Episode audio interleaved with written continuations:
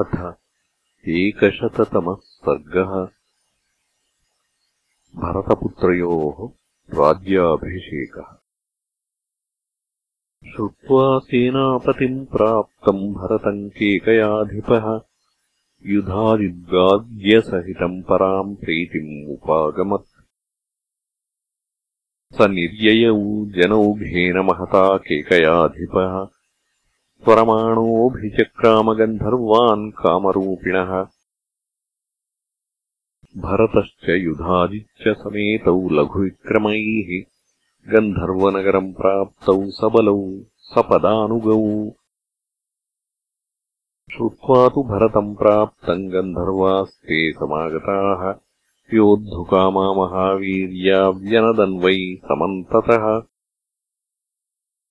ततः समभवद्युद्धम् तुमुलम् रोमहर्षणम् सप्तरात्रम् महाभीमम् न चान्यतरयोर्जयः। खड्गशक्तिधनुर्ग्राहा नद्यः शोणितसंस्रवाः नृकळेबरवाहिन्यः प्रवृत्ताः सर्वतो दिशम् ततो रामानुजः क्रुद्धः कालस्यास्त्रम् सुदारुणम् संवत्तन्नाम भरतो गन्धर्वेष्वभ्यचोदयत्। ते बद्धाः कालपाशेन संवत्तेन विदारिताः क्षणेनाभिहतास्तेन तिस्रः कोट्यो महात्मनाम्। तम् घातम् घोरसङ्काशम् न स्मरन्ति दिवौकसः निमेषान्तरमात्रेण तादृशानाम् महात्मनाम् हतेषु तेषु सर्वेषु भरतः कैकयीसुतः निवेशयामास तदा समुद्धे द्वे पुरोत्तमे। तच्छन् तक्षशिलायाम् पुष्कलम् पुष्कलावते गन्धर्वदेशे रुचिरे गान्धारविषये च सः। धनरत्नौघसम्पूर्णे काननैः उपशोभिते अन्योन्यसङ्घर्षकृते स्पर्धया गुणविस्तरैः उभे सुरुचिरप्रख्ये व्यवहारैः अकिल्बिषैः उद्यानयानसम्पूर्णे सुविभक्तान्तरापणे।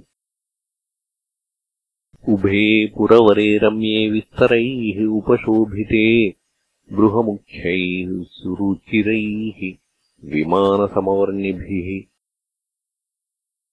शोभिते शोभनीयैश्च देवायतनविस्तरैः तालैस्तमालैस्तिलकैः वकुलैः उपशोभिते।